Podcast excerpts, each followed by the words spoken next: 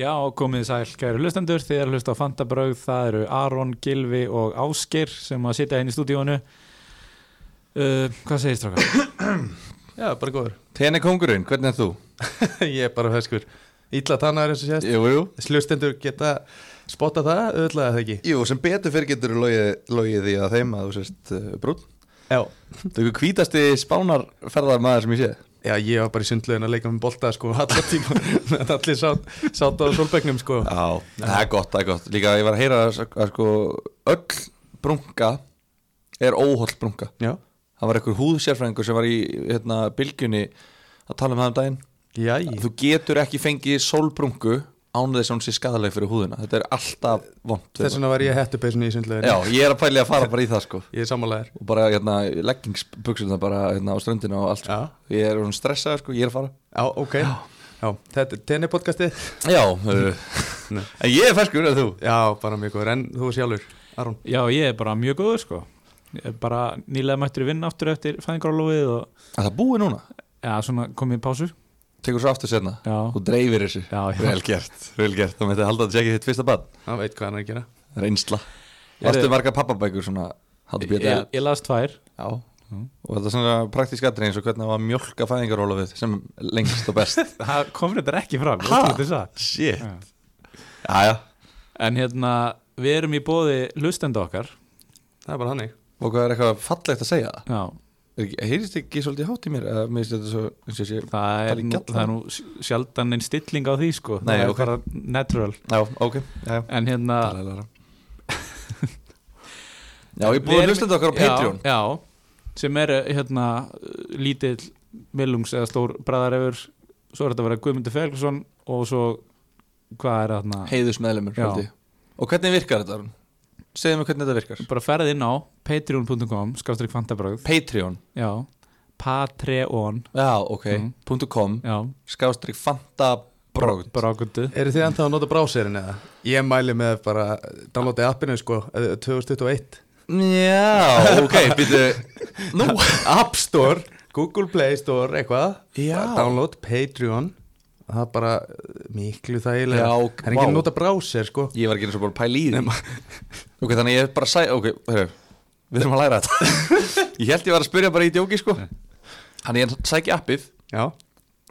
Og þá er ég bara komið appið. Svo ef þú ert með Facebook þá bara getur þú loggað inn með í gegnum Facebook Ég ótrúlega þægilegt. Ok, og ég sörsa þar bara fantabröð Já. Finn fantabröð og bara Já. ít á lítill bræðar yfir. Yes. Og bara komið. Já. Yes. Þá, veit, þá veit ég það. Ég, ég held ég vissi það. Og þú hendur í, skemmtilega póstana rétt fyrir deadline síðast. Þá varst að láta menn vita updateið Já, það er nefnilega málið Þú veist, þetta er, svo, þetta er ekki bara podcast þar.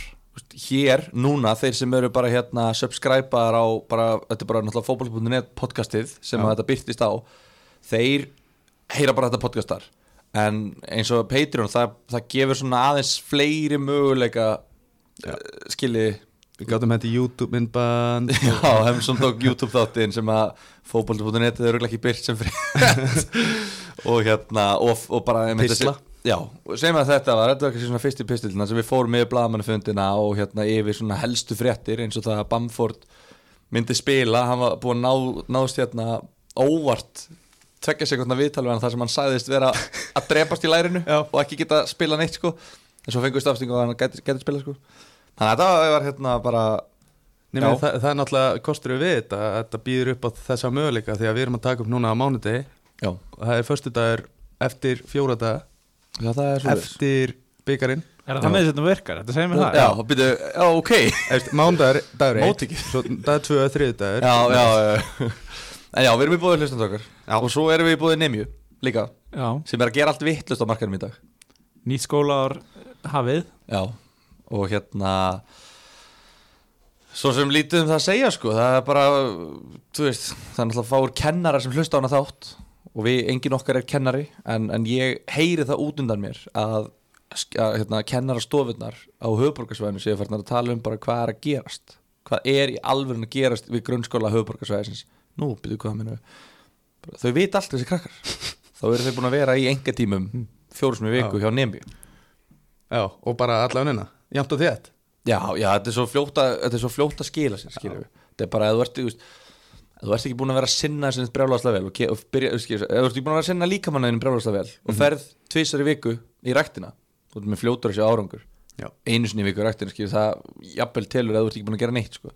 þannig að fyrir krakka sem er í grunnskóla og mentaskóla ef það er ekki búið að sinna kannski náminu neitt allt og vel, kíkja einu sinni tvisar í viku í einhver tíma og þetta er mjög fljótt að koma Ég er bara öfunda metaskóla krakka Já, Þetta var ekki þegar ég var. Lengsta kynning bara eh, frá stofnun, Aron, er það ekki? já það er meira. Nú! Já. Við Af að- aldrei. Af því að við erum líka í bóði massabón. Í alveg rétt. Og Dalsrönni 24 í Hafnarferði uh, Þeir massa, þeir bóna Þeir sérhafa sig í hérna uh, lakleirreitingu og keramikúðun og hérna minnum á bara að meðlumir Fantabræða geta fengið 10% afslátt á massabón.is Það er svoleiðis. með kóðanum Fanta. Fanta. Já. og það er risa tilkynning líka. Ok. Af því að núna allar massabón að setja í stað á stað gjafaleik sem að virkar þannig að fyrsta november þá tökum við örglu upp þátt sem er mándagur og þá ætlum við að draga úr þeim sem eru nú þegar Patreons hjá okkur Já.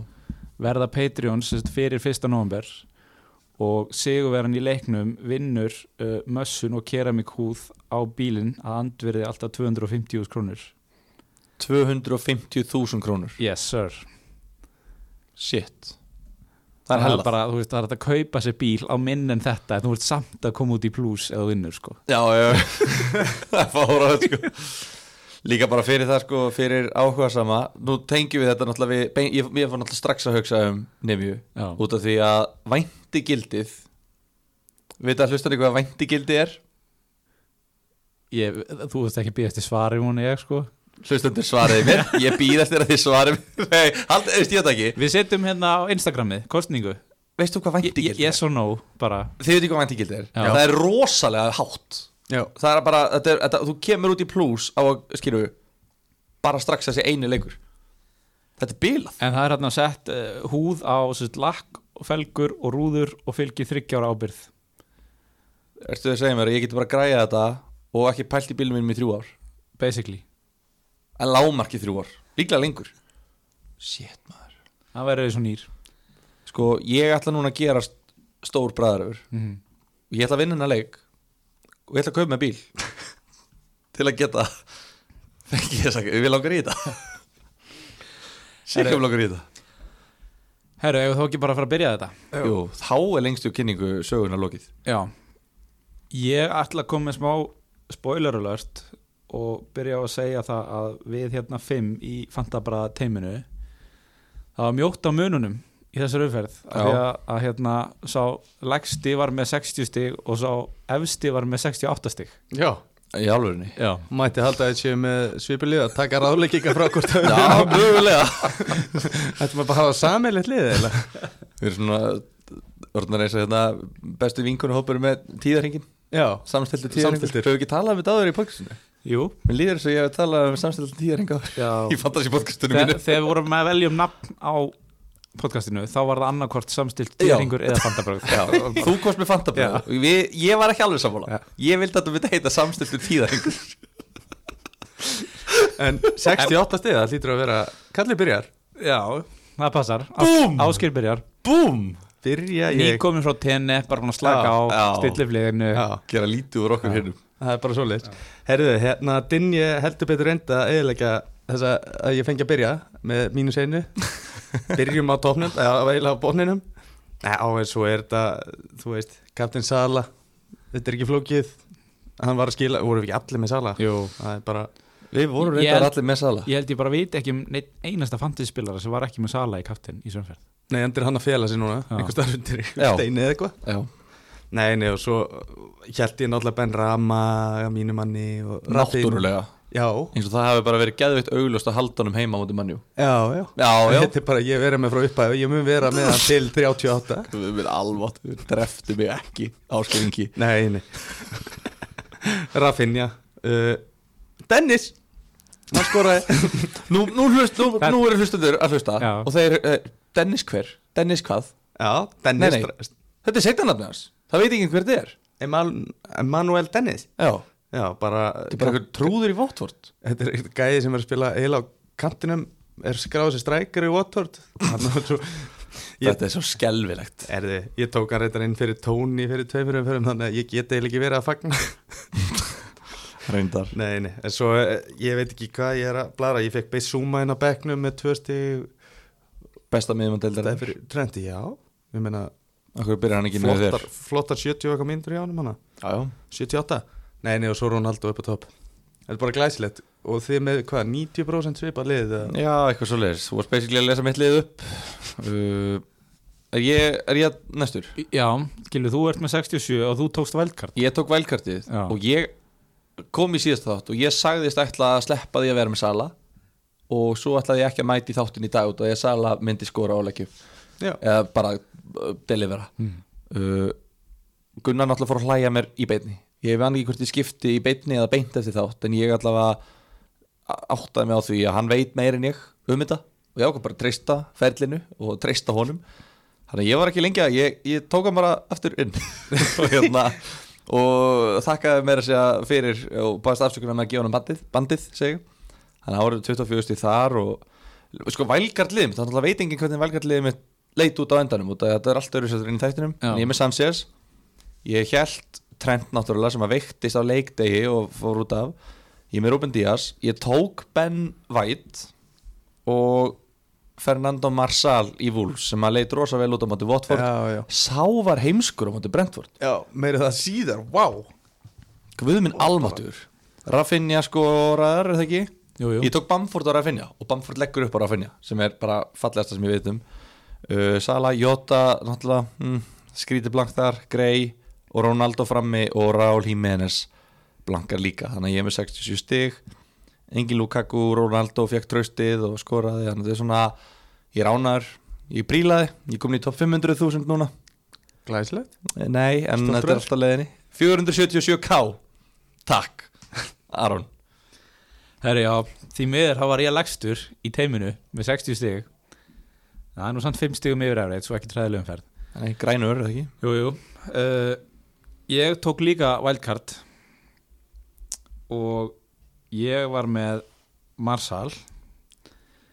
Ég tók Markmann í Wolves. Uff Já, af því að þeir eru litið mjög vel út. Oh, Einu, Einungis fengi á sig hvað, þrjú mörk á móti hérna, þremur af stærstu liðunum og í nánast, fengur nánast ekki á sig skot hann á móti Watford og eitthvað. Spilaðum manni og voru bara búin að gegja Já. Og hann hérna Marsal náttúrulega alvarlega grindaskertur og markbæðurinn ekkit mikið skárri var hann eitthvað að traðka vítapunktum, ég held að hann fengi guld spjald fyrir Já. það, fyrir vítið Svo alveg ekki trú það. Þú ert ekki bara með markmannin í Wolves hvað mennur þau? Þú ert líka með Marsal Já, ég sagði það. Greindarskertur aðeins að hlusta já, já.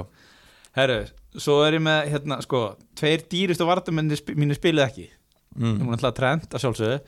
Og svo er ég með Rhys James. Já Hann var í banni. Sem er þægilegt að þetta eru náttúrulega þeir eru sko í liðum sem að heldur hreinu um helgina. Já, Já. Já. Eins og þú vissir, hann myndi gera eins og ég vissi að það myndi gerast en hérna er þetta sá ekki fyrir að það myndi ekki spila. Þannig að ég fekk inn á Brandon Williams með 0 stig. Sem spilaði 90 mínútur. Það spilaði þessar 90 Heima á móti. Watford. Já, Hvernig að getur fengið núlsti heima móti Watford? af þessum þrem leikmunum sem ég nú telja upp þá er ég samtals með 1 stig. Já. En svo er nú restin skári ég fæ Livramento inn sem sko þriðja mann á back með 5 stig. Og svo er ég með Jóta, Rafinha, Sala í kaftin Greenwood Bamford, Dennis og Ronaldo. Þeir til lifir allir frammi. Já, þeir til lifur allir frammi. Þannig að hérna Þetta er bara Ég- flott. Þegar ég sé bara, ég er að horfa á liðið og það er rosa margirna sem að litu rosalega vel út fyrir umferðina Já. Eh, eins og Wolves. Já, og hérna Trent á móti Crystal Palace það voru mjög margir með mikla væntinga gagvart honum.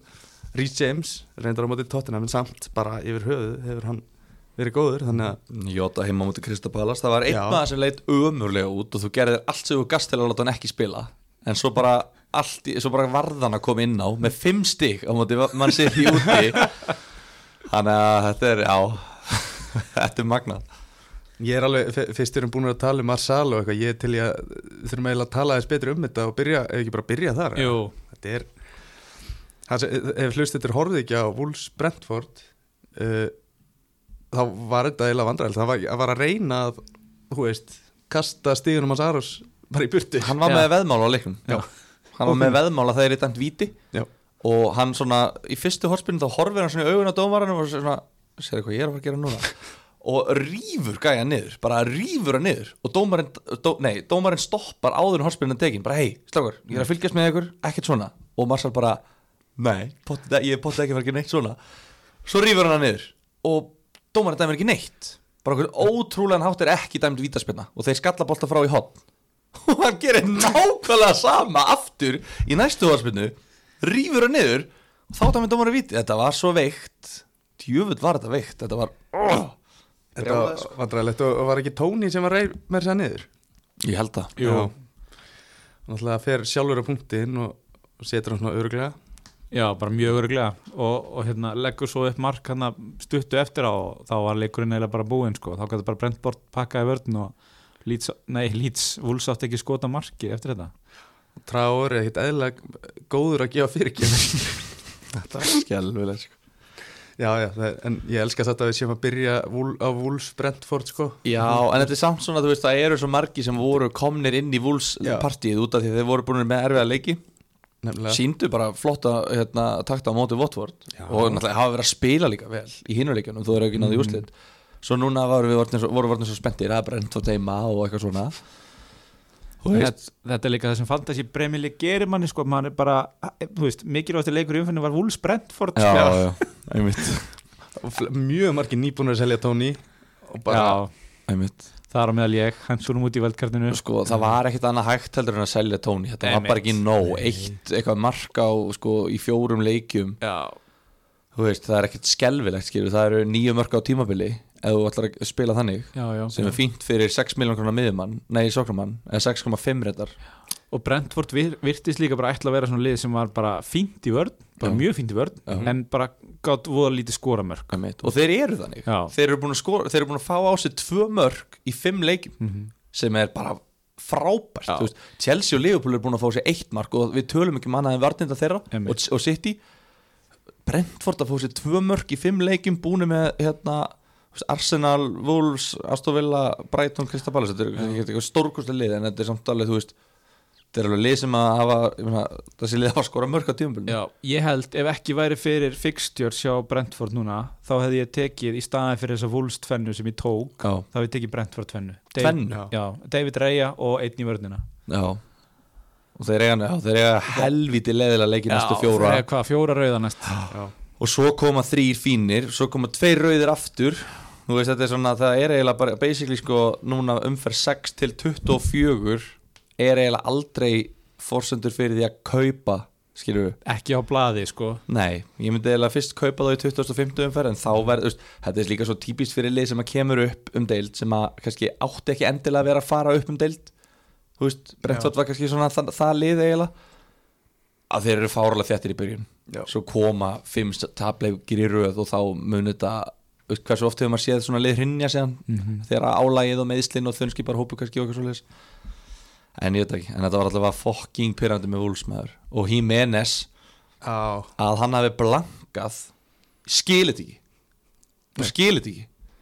Og reyf hárbatið af sér bara pyrringi Já, Svo það hva, hvað er það? Ég veit ekki, var hann, hann var búin að eiga nokkur hann að skalla og svo bara endanum einhvern veginn mista hann þólumæðina, gagvart hárbandinu Já, hann náttúrulega, já, þú veist hann fær hérna reyndar eina góða fyrirgjöf Traori í leiknum Já, sem var bara eða óvart góð þetta hann var bara að missa boltan út af og þurfti bara, það bara að ná hann aðra fyrir út af neglunum minni og markmaður fyrir í skóalaup og hann skallar hann, hann er frí um skalla og markmaðurinn er komin út úr markinu hann þurfti bara að stýra honum inn skalla framhjá, tekur bandið og maður svona, veist, það sem ég hugsa sem eigandi er þið, þeir eru ekki með að hann. það sem ég hugsa sem eigandi er bara ok, uh, hér er gæi sem að hérna, þú veist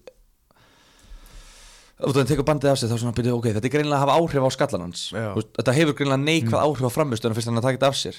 Svo hugsa ég líka, af hverju fokkanum er þessi gæi með þetta ef hann þarf ekki lífsnöðsynlega að hafa þetta? Já, sáu Petter Tjekka einhvern tímann taka af sig hjálminn bara, "Ró, ég sleppi þessu bara.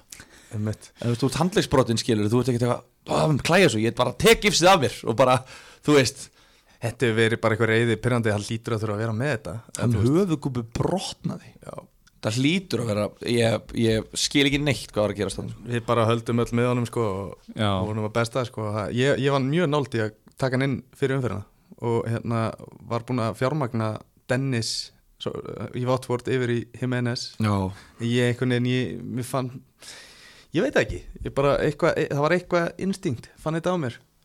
Brentford hafa alveg verið, þú veist flottir, þannig en fólk er alveg mjög mikið að vann með þetta greinlega. en hvernig líður þér núna með Hímanes, Gilvi, fram á við? mér líður bara vel Já. út af því að hann var að fá fullt af góðum tækifærum, þú veist, miða við.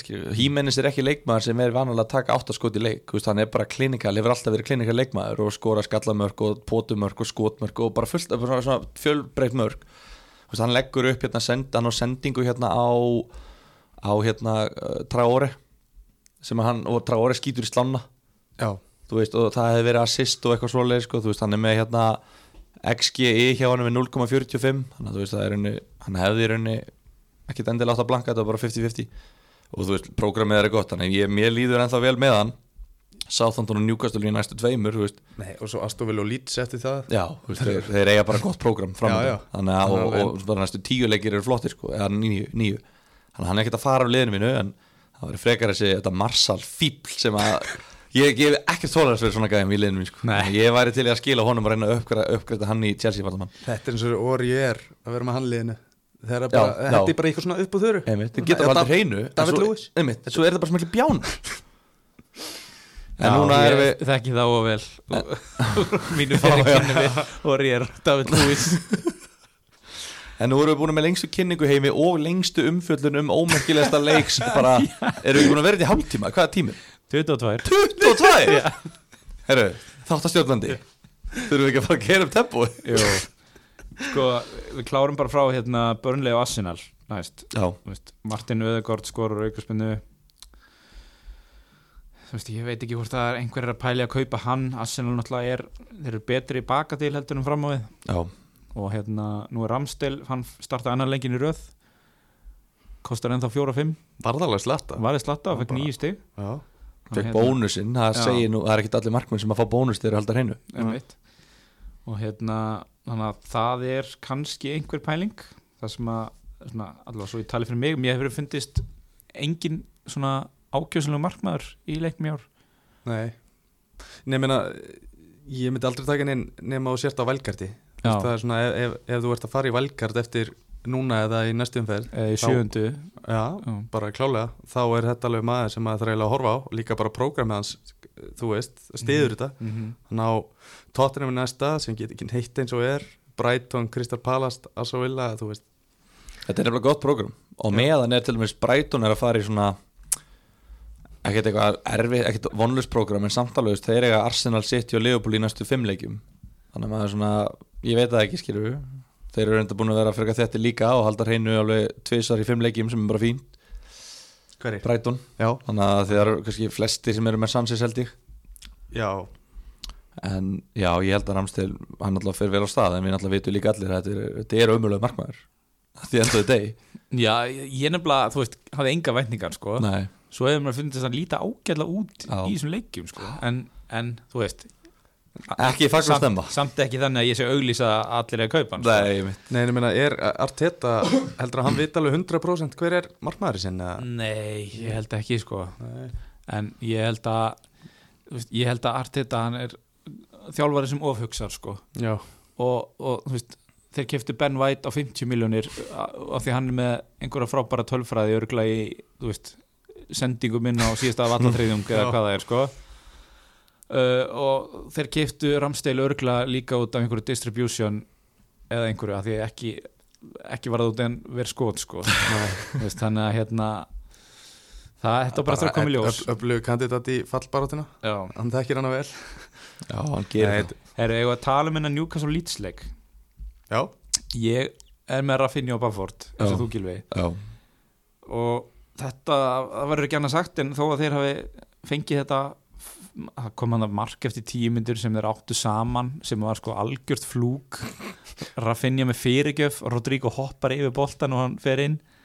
Já. þannig Byrju, Bamford gefur hann, ég sá, ég er ekki búin að segja mörkinu Já. Bamford gaf hann ekstra bara ekki starf á miðju. miðjumvellinu Já. gefur út á kant á Rafinha. Já, hann kemur með fyrirgjöf af hægri kantum svona innsving bolta. Love it. Rodrigo kemur hoppa bara yfir boltan og hann lekur í fjærafnið þannig að sko ég fagnaði ekki eðlilega mikið líka því ég fatt að Bamford hefði átt þess að sending no-name sending út á miði velli sko. Svona assist er svo skemmtileg Já, Þetta er assist í eitt af hverjum svona 300 skiptum. Já, Þú veist þessi já. sending, nei meira, eitt, eitt af hverju þúsund þetta byrjaði frábælega og þeir hefðu getið skora svona tíu mörg í fyrrháleik Leeds, Já, ok. Svo gerist Og ekki Rafinha og Bamford inn í því Já, já, bara Mér reynda sko Bamford gerði ekki mjög mikið Þú veist, Nei, nú er ég auðvitað að horfa á alla leiki með öðru auganu þessa dagana með, mánagafalt Já. en mér fannst ekkit þú veist, ég, mér líður ekki vel með Bamford í liðinu. Nei, Fokk, og það er það, er eiginlega bara það hvað hann á, þú veist, ég get ekki seltan með að við leikir þess að eiga. Nei, ég bara geta ekki. Nei. En mér hefur bara fundist lýts einhvern veginn vantar eitthvað annað sko. En Bamford er samt búin að sko delivera í öllum leikjum sem eru ekki á móti manni og Liverpool veist, Þetta eru þrý leikir sem eru ekki á móti stórliði já, og hann er búin að delivera í þeim öllum þrátt fyrir að vera kannski ekki að spila frábælega þeir eru bara þrjá fína heimaleiki í næstu fjórum. Og svo kemur Norrins eftir það. Þannig að þú veist hendurnar okkar eru bara bundnar. Já, núna þarf bara að sitja á sér, Já, sko. við, við getum ekkert gert það. Það væri uh, vitleysa held ég. Mér langar sko ógeðslega að breyta honum yfir í Antonio núna Já, Já, Það sem að þeir eiga Leeds og Leeds er með svona einn heilan varnamann í liðinu sínu. Já, já. Já þeir eru bara klopnir, þú veist það vantar bara Lorente, Strák þú veist, all, hvað allir þessi gæjar heita Já, hann já. í, meiri vördinni? Eiling er heill, en það er ekkert mikið meira. Nei, einmitt. Nei, en svo hinn, á, í hinuleginu Saint Maximin skoraði hann að mark algjört, bara, hvað, var hann með svona 15 fake shot, að skora Já, skaut síðan skoraði. Það var alveg geggjað sko það er, svo, það er maður sem að verður eiginlega að fara að horfa á sko. Hann er komið tvö mörg núna tvö assist og þú veist hvað í fyrra var hann þetta bara með þrjú mörg yfir heilt tímabil hann er komið tvö í fimm leikjum. Já, þeir eiga reynda bara fínasta svona, ég veit það sem ekki sko. Eftir Votford leikir næst þá er Wolves, Tottenham og Krista Pallas sem er svona allt lið sem ég myndi halda gæti haldið hreina á móti Newcastle sko. En Newcastle er samt búin að skora í sko fjórun leikjum af fimm. Já. Það er bara eitt lið búið að halda hrein á móti Newcastle og það er svona eitthvað sem að ég er búin að vera að pæla núna aðeins undarfærið í bara að þetta er, þú veist, ég meina þeir skora tvö mörgum móti Vestham, Mhm. tvö mörgum móti Southampton marka á Old Trafford. Ég er bara svona að pæla, þú veist eru þeir endilega svona ógisla liðlegir eins og maður heldur veist, ég hugsa Newcastle heima og ég hugsa næs, ég vil varna mann í þessu liði. Mm. en, eh, nei, hérna, sóknumann segi nei, vardamann segi, Varnarmann já, til já, að halda hreinu já, já, einmitt. En ég veit það ekki, skilju, og prógramið ég meina, næstu 11 leikir, eða 10 leikir þetta er alveg, þetta er mjög gott prógram heilt yfir, Nei, svo er þetta Newcastle og hann kostar 6,7 það er full mikið. Já. 6,7 miljónir fyrir Saint Maximin. Já, þú veist, er, er maður að taka hann frekar en þú veist, Tóni, já, kannski með við leikinu sem Tóni á. Þú veist, já, og með okkur það fyrir Maximin er alltaf búin að vera Já. alltaf meittur hann er Já. búin að missa alltaf af, sko, hann hefur ekki spilað 50% af mínútonum hjá Newcastle ever. Já, Mér finnst þetta bara að vera 6,7 miljonir er svona akkurat í miðjunni annarkvort ferðu upp í 8 miljonir Já. krónar Já. eða niður í já, þú veist, einhver Já, 5 bara miljonir Dennis eða- þú veist, Dennis eða eitthvað þú þetta er bara svona ég veit alveg gera þetta ef þetta væri Jimenez hérna fyrir tveimur árum með Bamford í fyrra já. en ekki fyrir þennan gæja. Að ég veit það ekki, kannski er ég að vannmeta út að kannski er hann heill núna og er bara geggjaður en ég veit það ekki maður. Það er ógíslega gaman að horfa á hann Já, já. þú veist, við erum í fantasy Já, podcasti. einmitt. það er ekki gaman að vera með hann í fantasy. Það hefur ekki verið hingað til. Við höfum alveg reynda svo sem einhverjir. Hérna uh, já, næsti leikur, Manchester City Southampton, ég veit ekki hvað við höfum að segja um það leik uh, fyrir náttúrulega 0-0 margir sem fá livra mentó inn á. Já, við getum kannski tala um hver, hversu mikla róttur það eru. Þú getur kannski þú, Fegst þú Já, henni ég var talsmaður Þú getur kannski, já, þú, nú eru nokkra rottur að hlusta sem að fenga hann inn á og þú getur kannski frækt okkur svona, hvernig er tilfinningin að vera rotta? Í- Sko, mér fannst, Mánudegi. mér fannst ég alveg eiga þetta inni með, veist, ég segi, tveir varnamöndi mínu sem að heldur hreinu en spiluðu ekki, þú veist, dutt út, sko. Já, en hérna en auðvitað er það mjög svona rottulegt fyrir þá sem að fengu bara einn mann inn að, að hann kannski fyrstur á bekk og svo með aðra tvo sem að kannski spila þú veist, eru bara dauði leikmenn sko. Já. Ég fekk Bissúma en já, bara gæði sem var ekki að fara að gera neitt. En Já, svona já. bara aðeins að drepa inn á XG í, í leiknum að þú veist, mann sem sitt í er með 0,97 þannig að þú veist, og, þú- og þeir áttu einhver 16 skot en bara tvö big chances.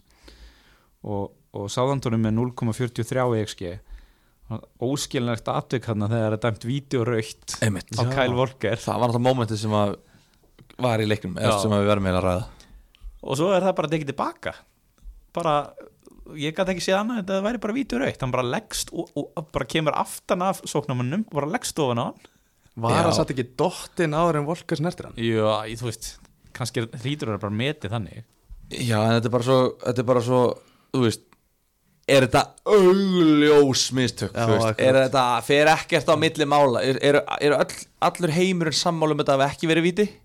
Nei, Nei. veist, einhverjum fannst þetta bara að vera víti. Og hérna mér, sko, þetta var bara mesti Kyle Walker sem við höfum séð. Hann er með boltan, hann á feilsendingu því hann er heimskur. Bara því miður, hann er það bara. Ok, hann reynir að brjóta, hann næri því ekki. Því hann er heimskur. Hann, hann eldi gæðin inn í teig og fer þá aftur Fellir hann eiginlega eða svona já. eina sem mér fannst, mér fannst hann vera að reyna að leika boltan, mér fannst hann vera að reyna að setja löppina framfyrir og svona, Já, svona já, höggva með já, hælunum já, aftur já, í boltan já. já. en það bara tókst ekki Nei, nei. þannig að mér finnst þetta ekki með þetta átti ekki að vera raukt spjald en þú veist þetta er alltaf víti, Já, já. ekkert alltaf en eða þú ert búin að dæma víti, Já. þetta er aldrei klárlega mistök Nei, það er nefnilega málið þannig að þetta hefði í rauninni átt að vera bara sko, þeir hefði átt að fá vítið og, og við veitum hvernig það hefði verið, þeir hefði klárlega skóra á því. En ég er svo sem fagnaði, ég fekk áttasteg fyrir uh, Ruben Díaz. Já, Og City heldur áfram að halda hreinu. Já, þeir eru helviti helviti góðu varnarlega, við verðum að gefa þeim það. Fjórleikir í röð eftir þetta eina tóttinam tap sem að bara er orðið svona árlegur viðbrur hjá sitt í Já. er hérna er Sáantón betri en við höldum Við erum að halda hreinu núna reyndar 0-0 á móti Vestham og Master City. Svona lið sem maður hefði haldið fyrirfram að myndi að vinna á Fjögur játtöfnir í röð. Þeir eru betri en við höldum eða? taplusir í fjórum. Já, reyndar, þú veist á móti Manju, Vestham og City. Með prógramið. Er ekki bara fínt það, þú veist? Þetta er, er, er, er, veist, og ég aftefli úti á móti Newcastle ég, það hefur gæst hjá góðum liðum. Tapa úti vel á móti Everton það hefur gæst, skilur, þú veist, það, það er ekkert þarna, þetta er ekki eitthvað 9-0 Þeir eru ekki, eru ekki whipping boys. Nei, Nei. alls Ekki ekki, er svipustrákarnir sko, það er annar lið Það er En önnur. þeir, þú veist, ég meina, við munum sjá það í næstu leikjum hvort að Southampton sé eitthvað valjú en það er enginn að fara að kaupa neitt í Southampton eftir, eða fyrir leiki á móti Wolves og Chelsea. En eftir það, í, eftir þess að umfyrir sjö þá hérna uh, kemur fínt prógram. Þannig að ég, alveg, ég er alveg opið fyrir að skoða en ég held að ég sé bara sáttu með Livramento hann er bara minn, minn maður. Já, Já, Herru- City náttúrulega hérna eiga basl framöndan eða ekki? Jú. Chelsea og Liverpool úti í næstu tveimur. Já, Þannig að þú veist, það er enginn að fara að kaupa neitt þar sko. Ég er svona, veit ekki hvort ég ætti að vera með Ruben Díaz í þessum tveimuleikjum eða hvort ég ætti ekki að, að selja hann bara fyrir Chelsea vartamann sko. Er ekki ríkaleg 0-0 líkt samt á Chelsea City eða? Sko, Chelsea er ekki að fara að fá sér mark bara Nei. aftur. Það mun, bara í aftur í markinsögunni nei, það er bara meðan Tuchel lifir mun Chelsea ekki fá á sér mark Já, Þannig að, ég veit ekki, Nei. þú veist. Ég, fólk sem er á valkardi Þú veist, Ég held að Chelsea skori 100% á móti sitt Er það? Já. Ég er bara alveg 100% já, reyndar með Lukaku hann upp á er, til að fara í næsta leik. Já, uh, Ef ég hef sagt ykkur fyrirfram að Watford myndi vinna Norveits og að giska á markaskorara þá er nokkuð við sem að þið hefur komið með nákvæmlega þess að sem skoður um mörkin. Sko, allavega hjá Norwich Ég hefði að tekið það sjálfur. Já. Einu sem hefur skorað fyrir Norwich í, á tíumbölinu Tvö mörg Já. hjá Norwich. Tvö mörg hjá Já. Og svo segja það partíið sem búið. Ha, Hvað er, er að segja það?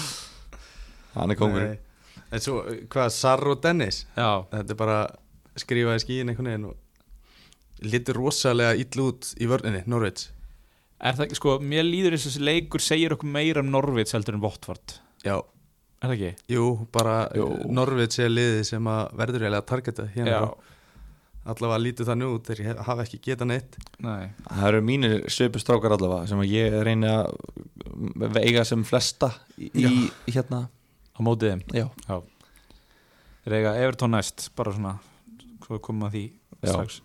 Og það verður partí fyrir grei hjá mér. Já, talandi minn Dinja með tvö sjálfmörg Já, Herðu, talandi um Everton uh, Þeir töpuðu 3-0 fyrir Aston Villa og Dinja með eitt sjálfsmark þar. Hér mörkin skoruðu Matti Kass og Leon Bailey. Þú veist Ég veit ekki, þetta er kannski svona frekar óvænt. Já Og- þetta kom mér óvart. Óvænt hvað þetta stór sigur allavega. Þetta kom mér óvart, ég hef ekki um það mjög og mikil vonbreið að sjá Dinja skall í einn net, við tölum ekki nógu mikið um það. Bara þannig að það er síðan reynu það var sjálfsmark sem við ætlum ekki að tala um meira. Jú, ég er til það.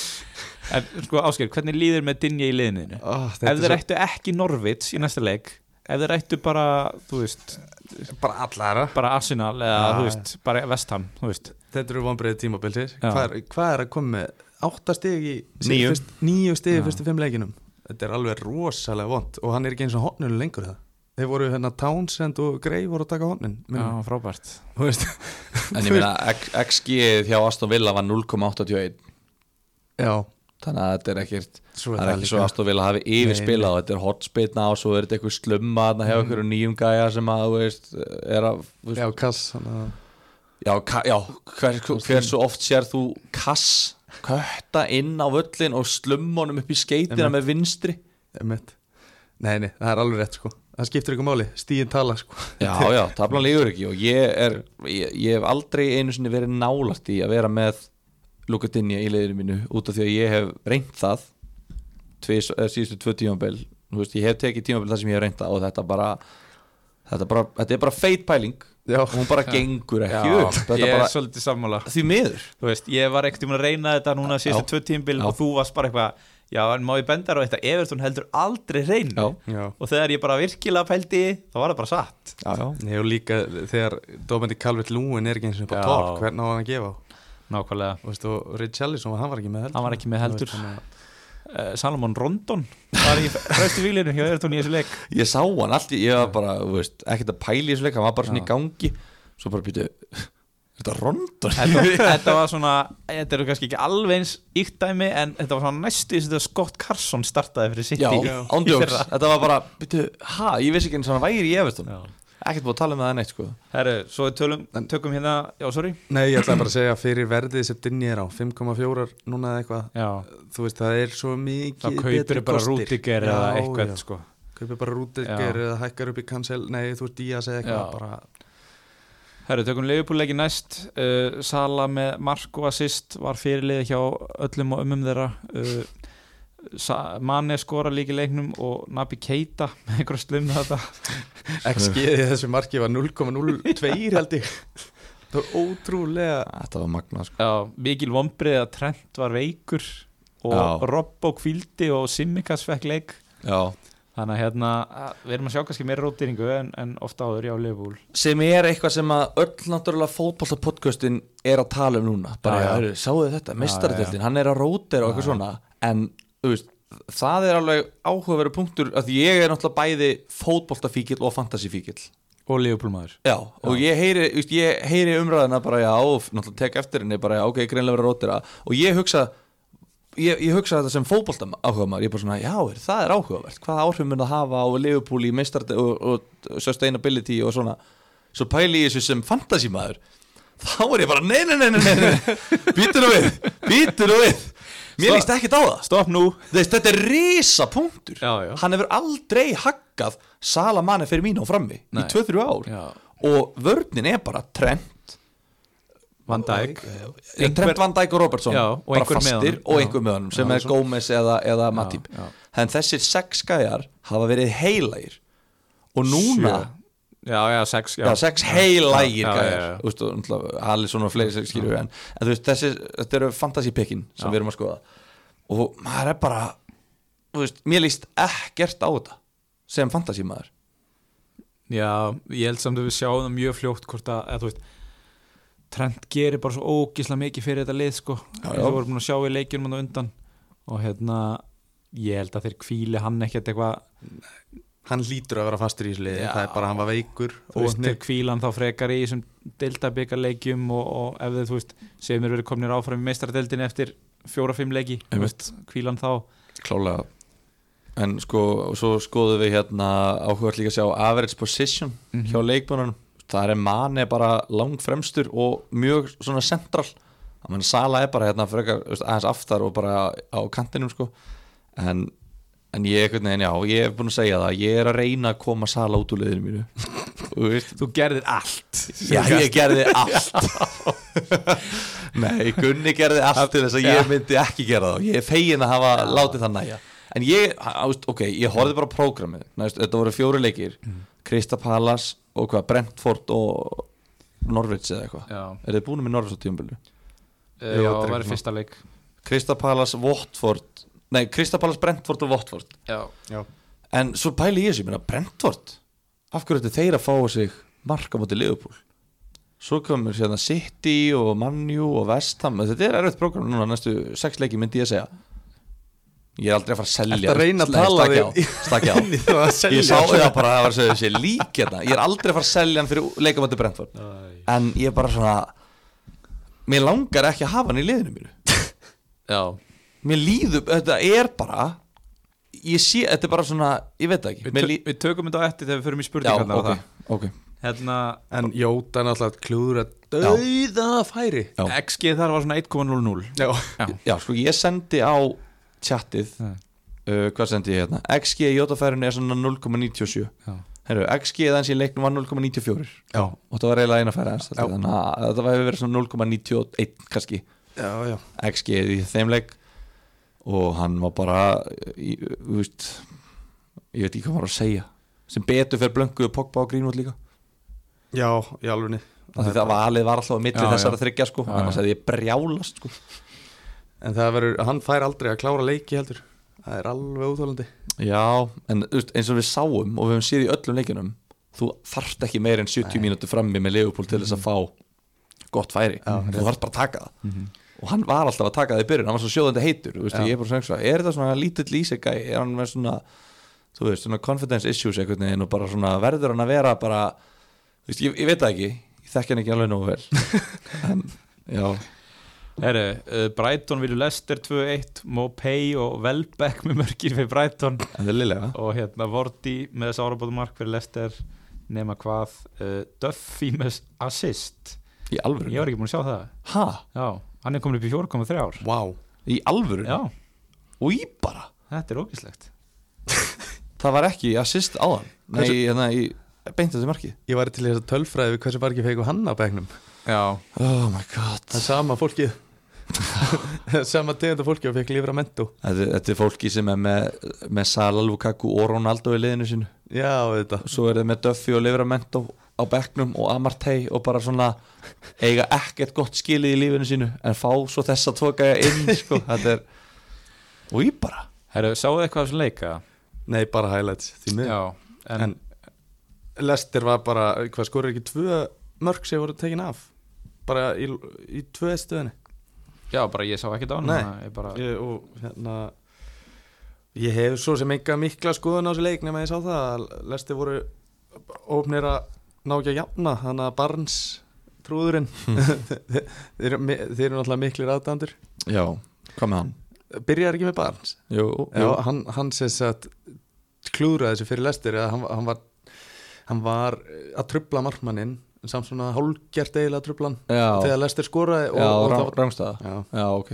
Ég sá það ekki, ég sé bara XG eða þessum leik er Brighton 1.56 Leicester 1.53 já, Þannig að Já. Kannski sóknarleikur er ekkert eitthvað issue fyrir Leicester en þeir eru ekki, ekki nú sterkir varnalega nei en við vorum að horfa á Manchester United á miðan uh, Ben Rama skora svona Róttumark eitthvað ógislegt ráttumark sem að rótturnar uh, fengu stegi fyrir. Herru, Ronaldo jafnar og tekur í burtu assistið frá Bruno með því að tvær tilhörnir á markið. Það var fallegt. Já, og hérna og, og Lingard kemur svo inn á og bjargar deginum Ótrúlegt. en David ekki að vera víti og tekur Ronaldo úr bónustegunum Sko, já Ros, eh, bara, Ronaldo þessi gæi ætlar að skora svona 30 mörg á tímabilinu. Já, Ég held hann ætli í 40 Ég held hann ætli að verða Ég held hann ætli að verða marka bara Þetta er síðastu tækifærið hans til að verða markaðistur í bara eiga besta tímabil í markaskórun Ég held hann, hvað er með þetta? 34 32 Sala með 32 Hann er pott þétt og því hann hugsa þú veist, ég meina, hey, ég er kongurinn ef ekki getur það þá er ég, þó ég hafa mistað við hann hvað, þreymur leikjum með eitthvað í byrjun, tveimur. Þú veist, hann er komið eitthvað, þrjú mörg Já, það er bara þannig. Og hann er líka sko í, já, hann er, hann er komið 12 sti, skot held ég. Já, og sko 7-8 á markið. Og þetta er bara, ég held að í þessu leik var hann með 7 skot og 5 á markið. já, og hann var bara alltaf X, í færum XG hans var 1,84 já, og það er alltaf svona, jú, jú, ok, þú veist það er að taka marka á því. En hann fekk sko tvö dauðafæri. Já, og bara var eiginlega bara, þetta var eiginlega bara ógislega lélegt að hann skóraði ekki. Já, þegar, þeir vinna boltan þetta framalega og Bruno setur hann bara beint í gegn. Já, og maður bara, vá, þú veist, ok, vel varðið alveg en maður svona, á þessi gæi á besti leikmann sögunar arguably, ekki Já. að vera að skóra svona færum. Þannig að ég var svona, þú veist, ég náttúrulega er með hann þannig að mér leiði alveg, alveg freka vel, ég skilur við að, þú veist hann var ekki að drepa mig úr hérna, óþægjendum með að vera að skóra og ég er ekki með hann. Hvað finnst ykkur um vítin sem hann vildi fá? Þessi tvö, fyrst þarna þegar Súfal tekur hann niður og svo þegar að Súma tæklar hann. Mér finnst það bara alveg eins og sitt í Southampton. Já, ef þú dæmi viti, mm. þá er var ekki að grípa inn í þetta. En ef þú dæmir ekki viti þá er var ekki að grípa inn í þetta.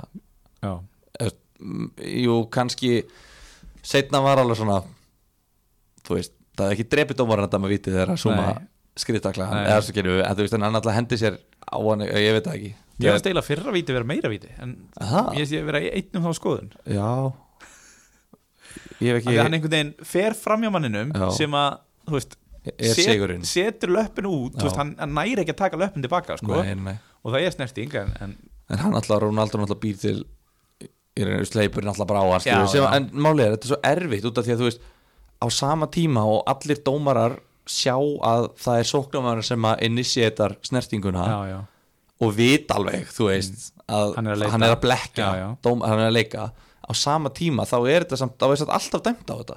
Þannig að hva, hversu, hvað er alltaf þú, getur ekki verið frumkvöldlegur dómar skil. þú verður að dæmi eins og allir hinni dómarinn dæma út af því annars er ósamræmi. Mhm. þannig að þetta er, þetta er geðveitt mikið veginn og þetta er náttúrulega Martin Atkinson er náttúrulega eitthvað mesta gerpi bara sem hefur bara blásið í flautu nú flesti blásið í flautu, við vorum í blokkflautu hérna námi, þeir vorum yngri það ekki.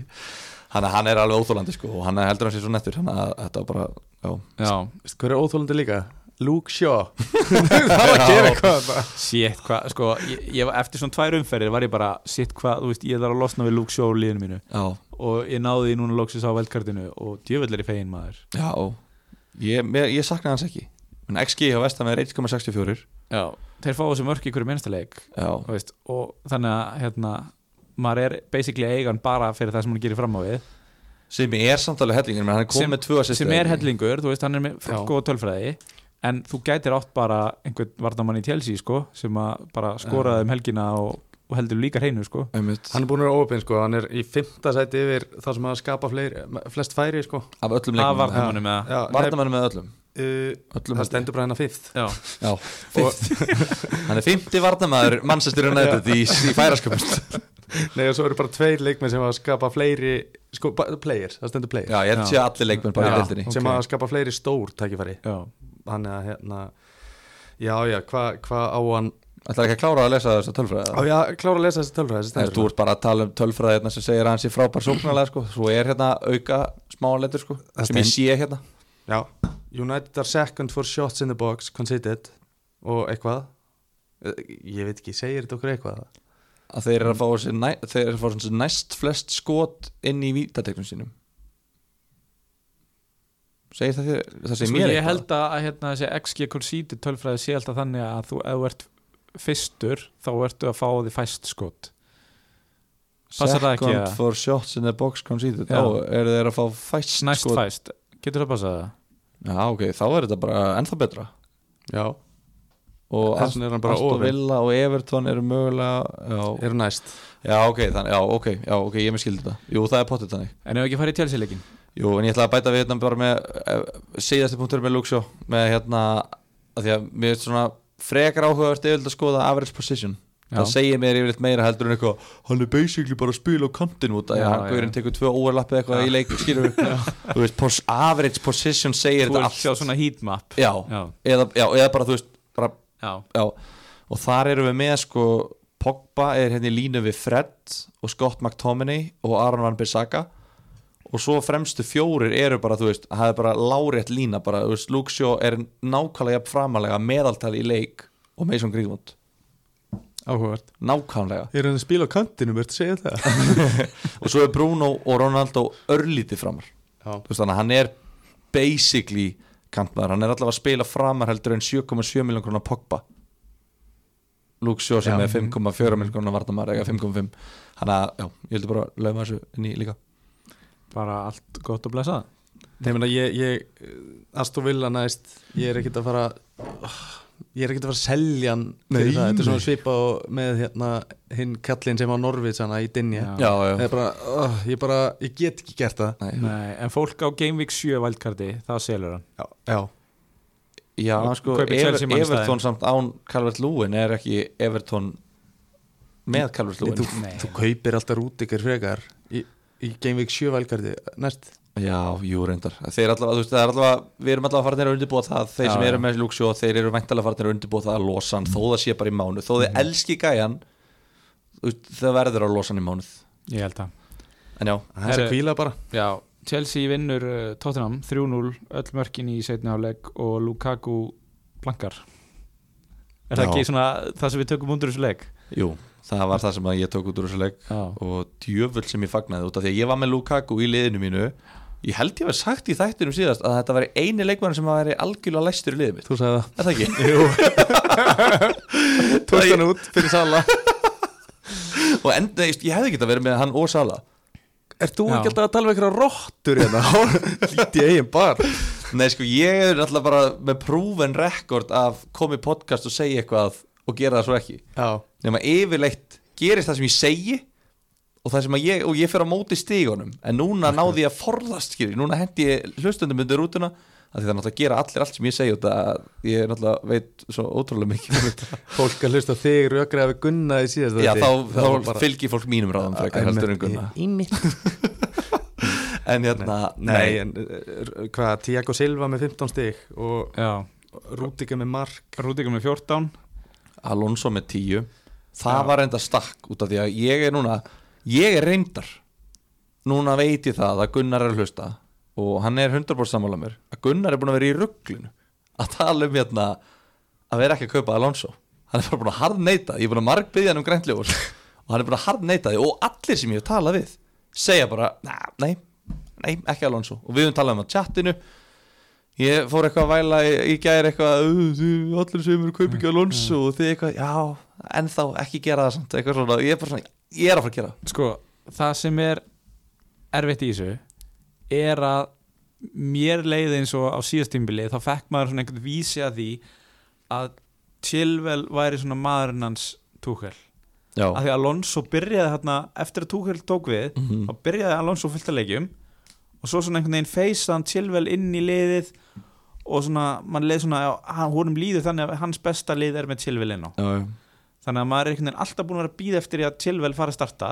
Já. svo bara gerist það ekki. Nei, þetta er svo mikið eins og í fyrra þegar James Justin var alltaf að byrja í lefna og var alltaf, Ricardo Pereira er bara að koma í já, lið já, Þetta er alveg eins, en Já. á meðan samt Alonso, hann er hérna að varnamenni top for XG að varnamönnum Já, þú veist, þetta stendur bara top for XG hann er ekki með meira XG heldur en Sala. Nei, ég veit það, ég, ég enda sagði það af varnamennum Já. og bara top for, bara expected goal involvement já, og chances created töt, þú veist, og snertingar á síðasta vallar þriðjungi já, og inn í vítaþeg og skota, þú veist, markið.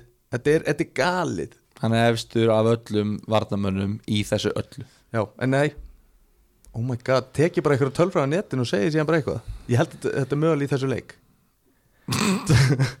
Mögulega í þessum leik eða mögulega í tím, á tímabilinu?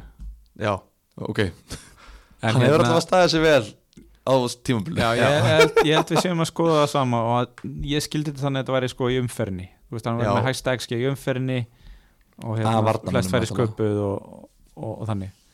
Nei, ég er ekkert endilega af varnamunum sko. Jú, Ronaldo var með 1,84 Marcos Alonso var ekki með meira XG í þessari Sko, umferð. það var sko einu sinni varið frá Alonso reyndar úr frekar erfið færi en það var einu sinni bara bjarga á línu frá honum sko. Alonso með 0,52 í XG Já, ok. Sem er hæsta XG í leiknum. Hann og Kovacic er báða með 0,52 XG í leiknum. Já, ok. En, hérna, en að þessu, en sama hvað þeir eiga sitt í ég heldur heldur heinu en ég er samt ekki að vera að kaup mögulega gerir ég það mögulega seli bara Díaz og kaupa Alonso. Ég ætla að gera það núna, nei ég ætla ekki að gera það núna. Ég ætla að skoða þetta, en svo eiga þessu gott prógram og þú veist, jú, jú, ég meina Chilwell færi auðvitað deildabyggaleiki núna. Áfram, menn, menn segja það allavega. Chelsea sérfræðingarðir og bara, þú veist ég veit það ekki, þetta draf mig allavega að hann hefði lagt upp. Og svo er Lukaku náttúrulega ógeðslega góður. Viðbúðust ógeðslega góður í fótbolta. Og hann hefði náttúrulega átt að sko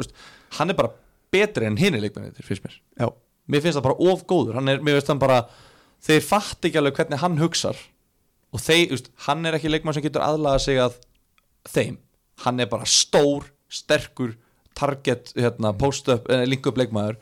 Þú veist, þeir verða bara að gjöra svo vel að hlaupa í kringum hann og gera það rétt og bara hlaupa þangar sem hann vil senda hann. Fatti, mm og þeir munu gera það og, og, og Tuchel er ekki að spila honum alltaf nema til þess að þú veist, hann fekk hann og bara beint í byrjanlið út af því að þetta á að vera aðalgæðin og þú spilar þá bara í kringum aðalgæðin þannig að hann á eftir að drita inn sko. og hann reyndi að klappa Werner á baki gefa honum svona nokkur dauðafæri sem Werner endilega þurfti að klúra já, sko. já, eðlilega. En við vonum bara að verða þessi sem minnst inn á.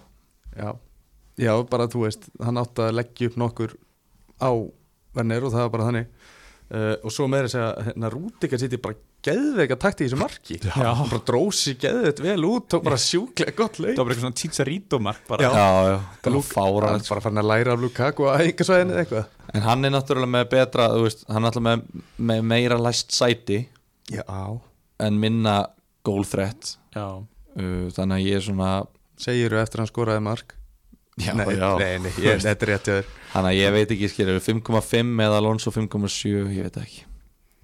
Mér feist bara, þú veist eins og ég segi Nemíu ertu ekki að kenna ykkur að fjár, hennar fjárfestikar okkar þar? Er ekki Nemíu að því? alveg Já, það kenna allt. Nei, en bara hérna, risk reward þú veist, 5,5 í Rúdiger, spilar alla leiki og er í þessari Chelsea-vörn sem heldur alltaf hreinu versus Alonso. Ok, þú veist, þetta er high risk, en þú getur fengið svo miklu meira reward ef að, þú veist, en það er bara spurning með Chilwell, við vorum að ræða þetta. En, en ef þú ætlar að fara í þetta bara eignastýring 101 nei, mitt. þá tekum við er bara, Þetta er svolítið svona er. Þetta er svolítið svona Hvort viltu láta leggja inn á því 100 áskalla mánuði eða eiga möguleika á því tvisvar ári að vinna miljón 50-50 Þetta er bara væntigildi já, Já, ég held að væntigildi sé meira í Alonso út af því að Alonso skorar kannski sjö mörg á tímabili ef hann fara að byrja alla leiki. Hann færi ekkert að byrja allar Nei, leiki en hann, nei, en e, veist, skilur við Þannig að hann Já. er kannski, þegar hann deliverar þá er þetta kannski 15 stig. Já, og Rúti gerir þrjá leiki að ná sér í 15 stig. Eða 2-3 Þannig að þú veist Alonso þurft að spila eitt þriðja á tímabilinu til þess að vera, eða þú veist, þannig sé- ég veit það ekki. Jú, þetta, þetta er alveg góð punktur hjá þér, Þetta sko, er en alltaf að við þurfum að reikna þetta bara ég er bara Excel-skjali og senda Excel-skjali á Send- Patreon hlut Já, sendum þetta á Patreon hlustundur og fáum hérna ekki Teddy Ponsa eitthvað svona fjármála greiningakall það lítur að vera. Við fáum hann í næsta þátt bara. Náttúrulega lögkildur endur skoðandi Já, eftir því sem best veit getur hann skoða þetta? Nei, en Rhys James var eini maður sem ég var að pæli fyrir tveimur umfyrum núna Já. er hann bara dottnur út af mér. Já, já. Það bara, Já, ég er með hann þú, já, Það er svolítið erfitt. Hann kemur inn í næsta leik. Á mótið City. Er pappir ekki í næsta leik á móti City. Ó, það væri frábært. Það ekki? Ef við ekki að fara í spurningar? Jú, uh, Byrjum bara á þessari hérna. Uh, Ferran Torres Halda að selja? Gunnar spyrja Nei, Hæ? nei. Er þetta ekki, er þetta selja, er það ekki? Þetta er, þeir eru að Chelsea og Liverpool í næstu tveimur. Gæin er, kostar hann ekki 7,1 Eina. Sjö og tvær. Já, og bara ég einhvern veginn sé ekki að De Bruyne komin aftur og þá hlýtur hlutverki hans að minka er ekki Gabriel Jesus bara, þú veist hann er bara að starta hana Já, já, hann er búin að byrja bara held ég alla nema fyrsta leikin sko. Þannig er það ekki? Ég ætla ekki að ábyrgjast neitt En þú veist við Þú verður að gera það þegar þú kemur í hérna þátt og ert að tala.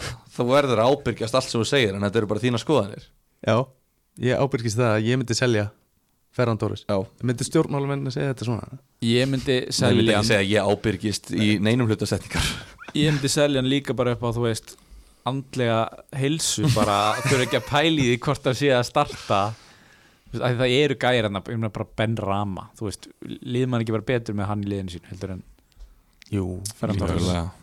Ödegard bara Þessi ekki fara að kaupa Ödegard þar svo þið líður betur Nei en ég held að ef, að- ef, að ma- ef að gæinn sem að spyr og þeir sem eru kannski með hann ef að maður má við því að selja hann ef að þetta er stærsta vandamálið þitt þá myndi ég klárlega að selja hann. Ég meina að finja Sar, Grey. Þetta er allt gæja sem að Gallagher, talandi Saha um, talandi um þessa leikmenn það er næsta spurning er Ben Rama halda að selja? Ekki bara auðvelt halda. Halda. Ég myndi selja hann, held ég. Ok, af hverju? Þeir eru af hann- líts næst Já Antonio komið tilbaka. Í Leeds eru þjættar en þið haldið. Þeir halda, þeir halda alveg hreinu oftar en þið haldið. Þú veist, að ég veit ekki, veist, hann var flottur í fyrstu tveimur Svo, veist, hann var ekkert stórkustlegur á móti mannjú nei, nei, Hann sparkaði raskatið okkur um kallið þarna 20 metrur frá markinu. átti eitt færi viðbútt Ég held að hans tími sé komin Og ég held að núna séu við á toppnum Í talandi um eignastýringu og fjárfestingar. Ég held að þetta séu hlutabrif sem eru Há núna Og ég segi alltaf við, við mína nefendur Buy low, sell high. Ég held ekki selja fyrir Það lýtsleikin er ekki hægt. Mögulega eftir Það er- Á móti Brentford, jú ok. Já, Já. herru, næsta spurning. Sar eða Grey grei Sar, ok, viljið Það eitthvað? var það leist næsta. Okay. Nei, ég, þú hefur meiri sko, þú ert búin að stúta þetta meiri en ég Ég er bara með grei, ég er bara að láta mig líða betur og vera alveg viss með mitt val Asker, þú varst með tölfræði hérna reyndar Sar vs. Ben Rama já þú veist þar, þar eru að tala um að Sar er með 11 skot inn í bóksinu á móti fjórum með Ben Rama og, og fullt á targetið og svona og hérna, er þetta overall á leiktíðinu? já, hann er með þrjú tæplega þrýr í XG og hérna Sar er með fjögur stór tækifæri, þú veist, þessi- tölfræði er náttúrulega erfitt að hlusta á svona mikla tölfræði já, já. en allavega Sar lítur bara mjög vel út og á Newcastle og Leeds sínast tveimur. Ég, hvað voru að tala um? Grei líka? Já.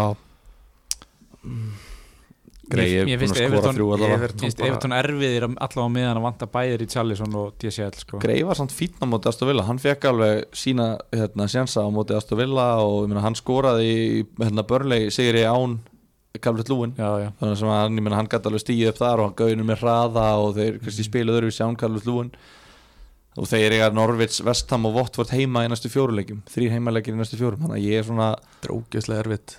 Erfitt að segja til um þetta sko. Þetta er allavega, við erum allavega núna farin að tala um veist, elituna í ódýrum miðumönunum þú veist, þetta eru klárlega bestu pikkin já, Sa Sar, Ben Rama, Grey ég held að til lengri tíma skipti ekkit brjálaðslega miklu máli Nei. hvað þú tekur þú, þetta snýst meira um að hitta held ég bara á réttan fyrirliða og réttu luxusleikmennum ég held að tölfræðina Sar blekki okkur svolítið að því hann var að spila við Norvits já, já, Þú veist, hann mögulega. átti fjögur big chances á móti Norvits já, og skoraði á tveimur.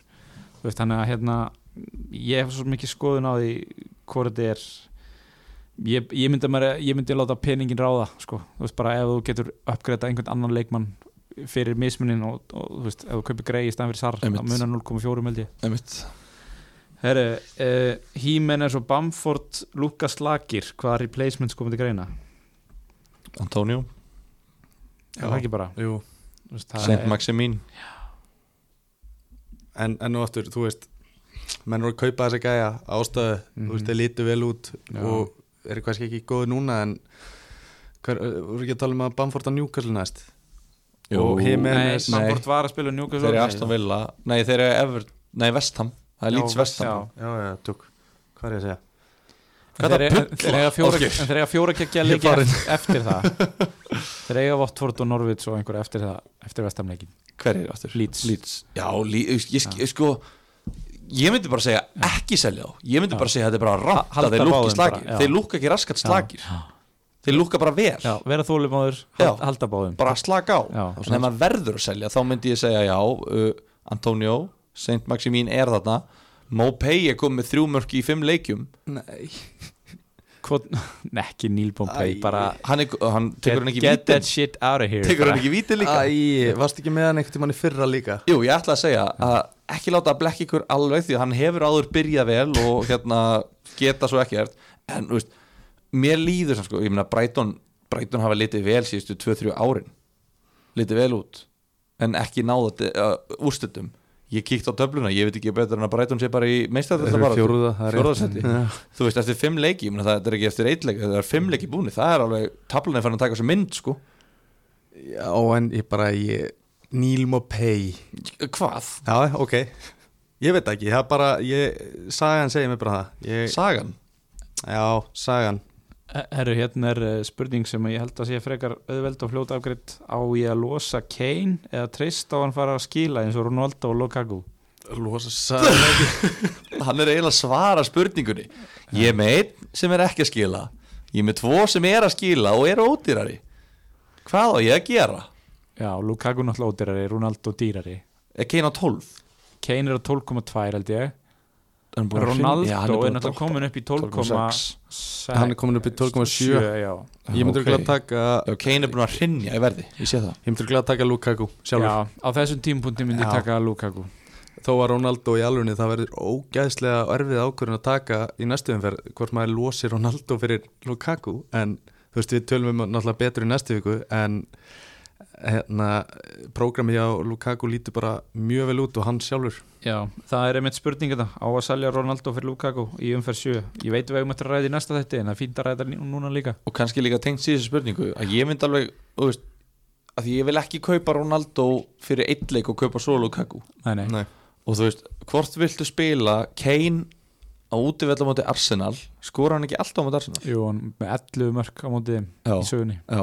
eða viltu spila Lukaku heima á móti City? Já, ég myndi öruglega að reyna að halda bara Kane í þessum leik. Já, og bara, ég meina þú veist, Arsenal mun einhvern veginn takast að fá þessi mark á móti Kane. Þannig að hérna, sagan, sagan segir okkur það, Sagan.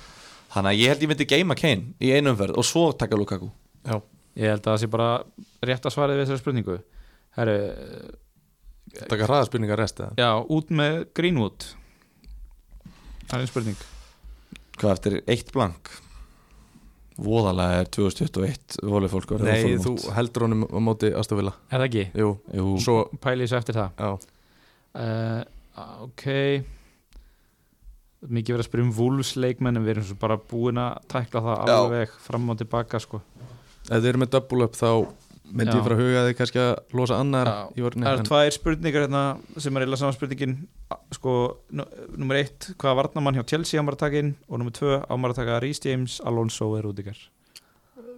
Við náttúrulega rífist um þetta áðan sko. Uh, Ég segir Rúdingar Gilvi segir fyrir áhættu fíkla að taki Alonso. Nei, bara fyrir bara áhættufíkla, bara fyrir starffræðinga b- bara þú- fyrir fólk sem skilur væntigildi, taka Alonso og fyrir fólk sem skilur það ekki, taki Rúdikir Fyrir fólk sem skilur veist, Ég væri til að komast inn í hugan þeirra En þú veist, taki Rúdiger og fylgist með ég, ok, ég ætla að segja skilur Tuchel, það er enginn sem skilur hann sko. Ég myndi bara kaupa Alonso og bara, þú veist hafa hann bara þangað til annað kemur í ljós. Ef hann, ef hann spilar ef hann, kom, ef hann, líða, ef hann koma tveir leikir án þess að hann spili þá er, þá er hann greinlega búinn. Já, hann getur alveg verið kvildur í einu veginn leik. Minna, við, við erum með trend þetta allir og hann spilar leik þar sem það kemur leikur þar sem hann átti ekki að vera kvildur Nei. en hann er kvildur heimnarnir er ekkert að hrinja hann er ennþá með 34 stigi eftir 5 leiki en ekki fjóra. Já. hann er ennþá, það er enginn að fara að selja hann. Veist, við lifum alveg af þetta blank. Uh, ég, og, og sérstaklega með þessa breytt, við erum með Livramento við erum með hérna uh, veist, þú veist maður er farin að hugsa um breytina já. Alonso má alveg vera kvildur í einum og einum leik fyrir mér þannig ég myndi kaupa Alonso og ætla að gera það ég ætla að vera með Alonso í liðinu mínu þanga til að hann spilar, að hann koma tvei leikir sem hann ekki að spila já. Herru, við erum múin að tala ókvæslega mikið um einhvern veginn, uh, þú veist svona langt fram á við og, og eftir Game Week 7 og Wildcard og allt þetta en Já. kíkjum á næstu umferð tökum hérna skamt fram í tíman sko, má ég byrja að spyrja þig út í næstum fyrr Já, hversu ógeðslega nei, ég ætla ekki að segja- ég ætla ekki að koma með gildislan já, og spurningu? Já, hvað finnst þér um já. leikjaprogrammið? Já, veistu, bara í, takk fyrir að koma með þessa spurningu. Bara tveir leikir í hátíð Ég bara fagna þessari spurningu. Af því að þetta er, þetta er bara first time in my lifetime sem að ég hef séð þetta Já. tveir leikir í lögadagsátti mér grunar að þetta sé eitthvað svona þú veist, Sky og BT sport rugl sko. Það sem að þú veist, annar aðlinn hefur valið sko hátegisleikin og hinn hefur bara, já já, þá er ég bara með minn eigin hátegisleik sem ég bara held að mætti ekki sko. Nei, skrítið að sjónvarstöð ákveði leiktíma hjá Ronaldo sko. Já, Skrítið að hann segi ekki bara sjálfur hvernig hann mætir í vinnuna sko, hann er kongurinn en svona er þetta. Chelsea City og United að spila öll á sama tíma Já. Chelsea, já, Chelsea, Manchester City og svo er Manchester United Aston Villa. Þetta eru rosalega leikir. Mér langar bara að fara bara á blástegin og bara horfa báðaleiki í einu sko. Já, Algjörlega. Ég, eh, Þú veist, ég held að Chelsea Manchester City leikurinn verði nú frekar lokaður. Þú veist, erum við ekki að reikning með því að allavega annar liði haldi hreinu ef ekki bæði sko? Já, já. Það er samt svo gaman að horfa á agaðan og skipulegan varnarleik sko. Ég bara, ég kíkja á það bara á föstaskvöldum sko En hérna, Everton Norvis, þú veist. já, þú veist. Það engi, já, já. Það er ekki, þú veist, annað hægt en að halda Evertón mönnum held ég, ef maður er með þá. Uh, Þú veist, hvað hérna allir að gera einhver transfer? Er þið með eitthvað með- lænað upp? Ég með tvö í bankanum.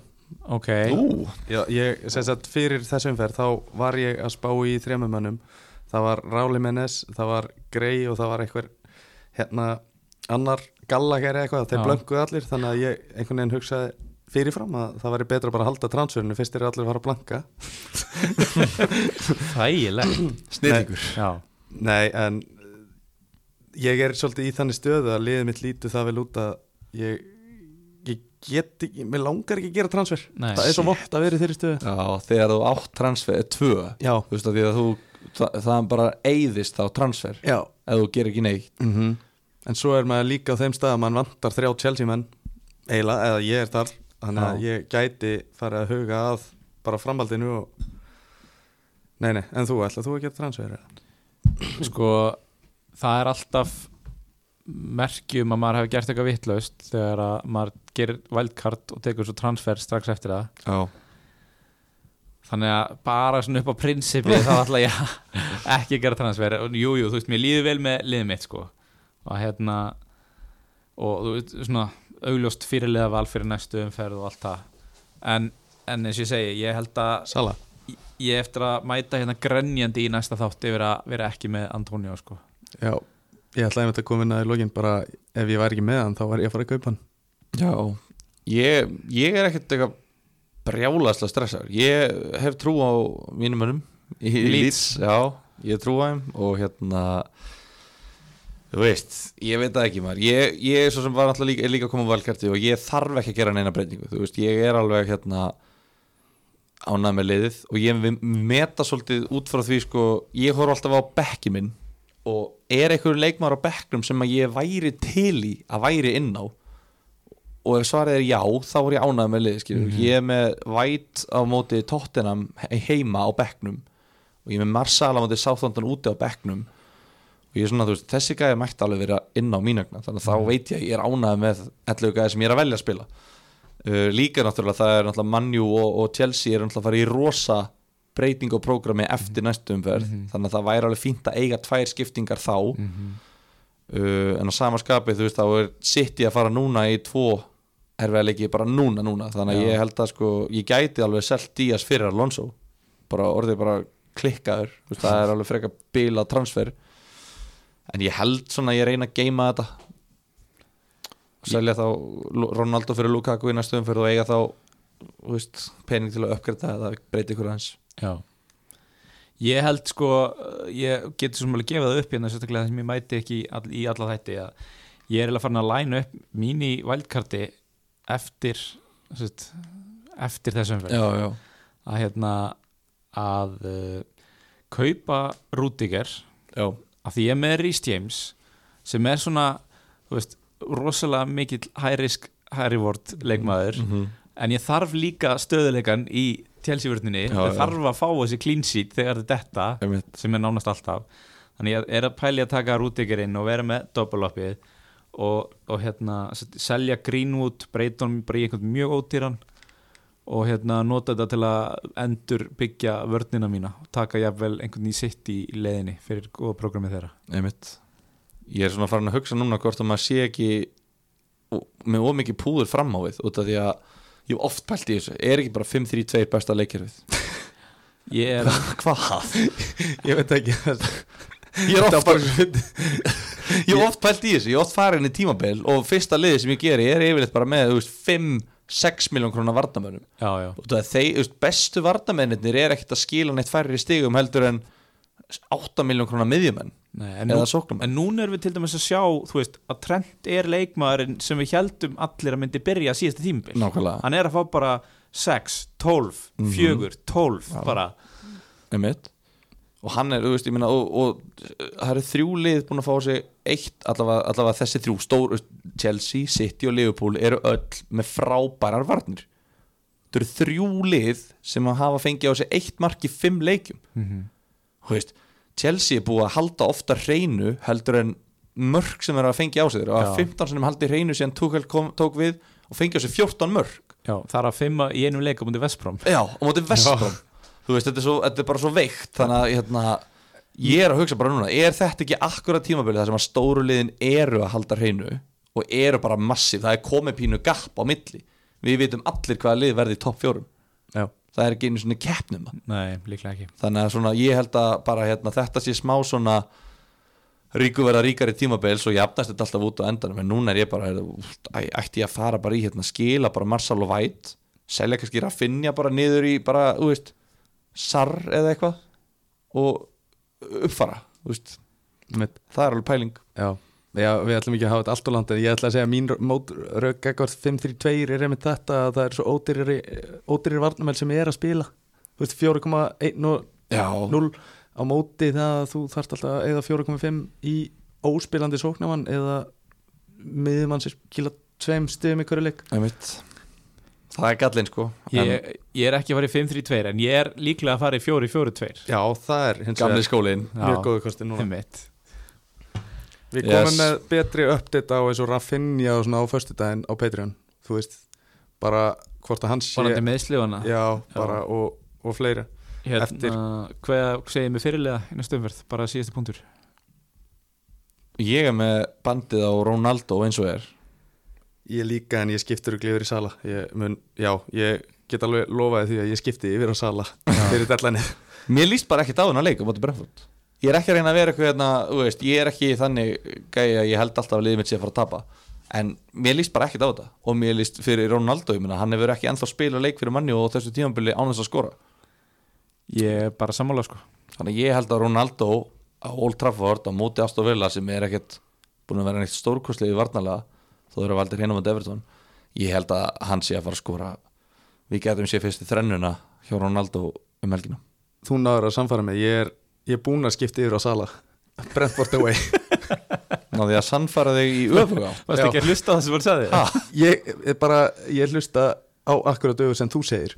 Ég já, já, ég sannfaraði um að já, Já. já, ok. Herru, ég ætla að bekka Marsal eftir uh, sjóið hérna um helgina. Já, ég líka, Já, það er bara velgjert lifir að menta og færi sjensin eftir góða framistöð mér líka, en það er náttúrulega, við vitum líka að við verðum brjálæðir eftir helgi út af því að þetta eru mistök eða þú veist, út af því að þetta er að rétta. Já, og það rétta er eiginlega aldrei að rétta. Þú veist, Ásker færi auðvitað þrennu frá Sala. Já. það meina, þú veist, Ronaldo mun örugglega bara brot, fótbrotna á þriðju myndu eða eitthvað. Já, ég ætla að vera með bandið á Ronaldo en eh, ef ég væri með Antonio þá myndi ég alveg íhuga það líka. Já, kemur ferskur inn eftir hérna kvíld og, Nei, nú verðum við að hætta. Já, já.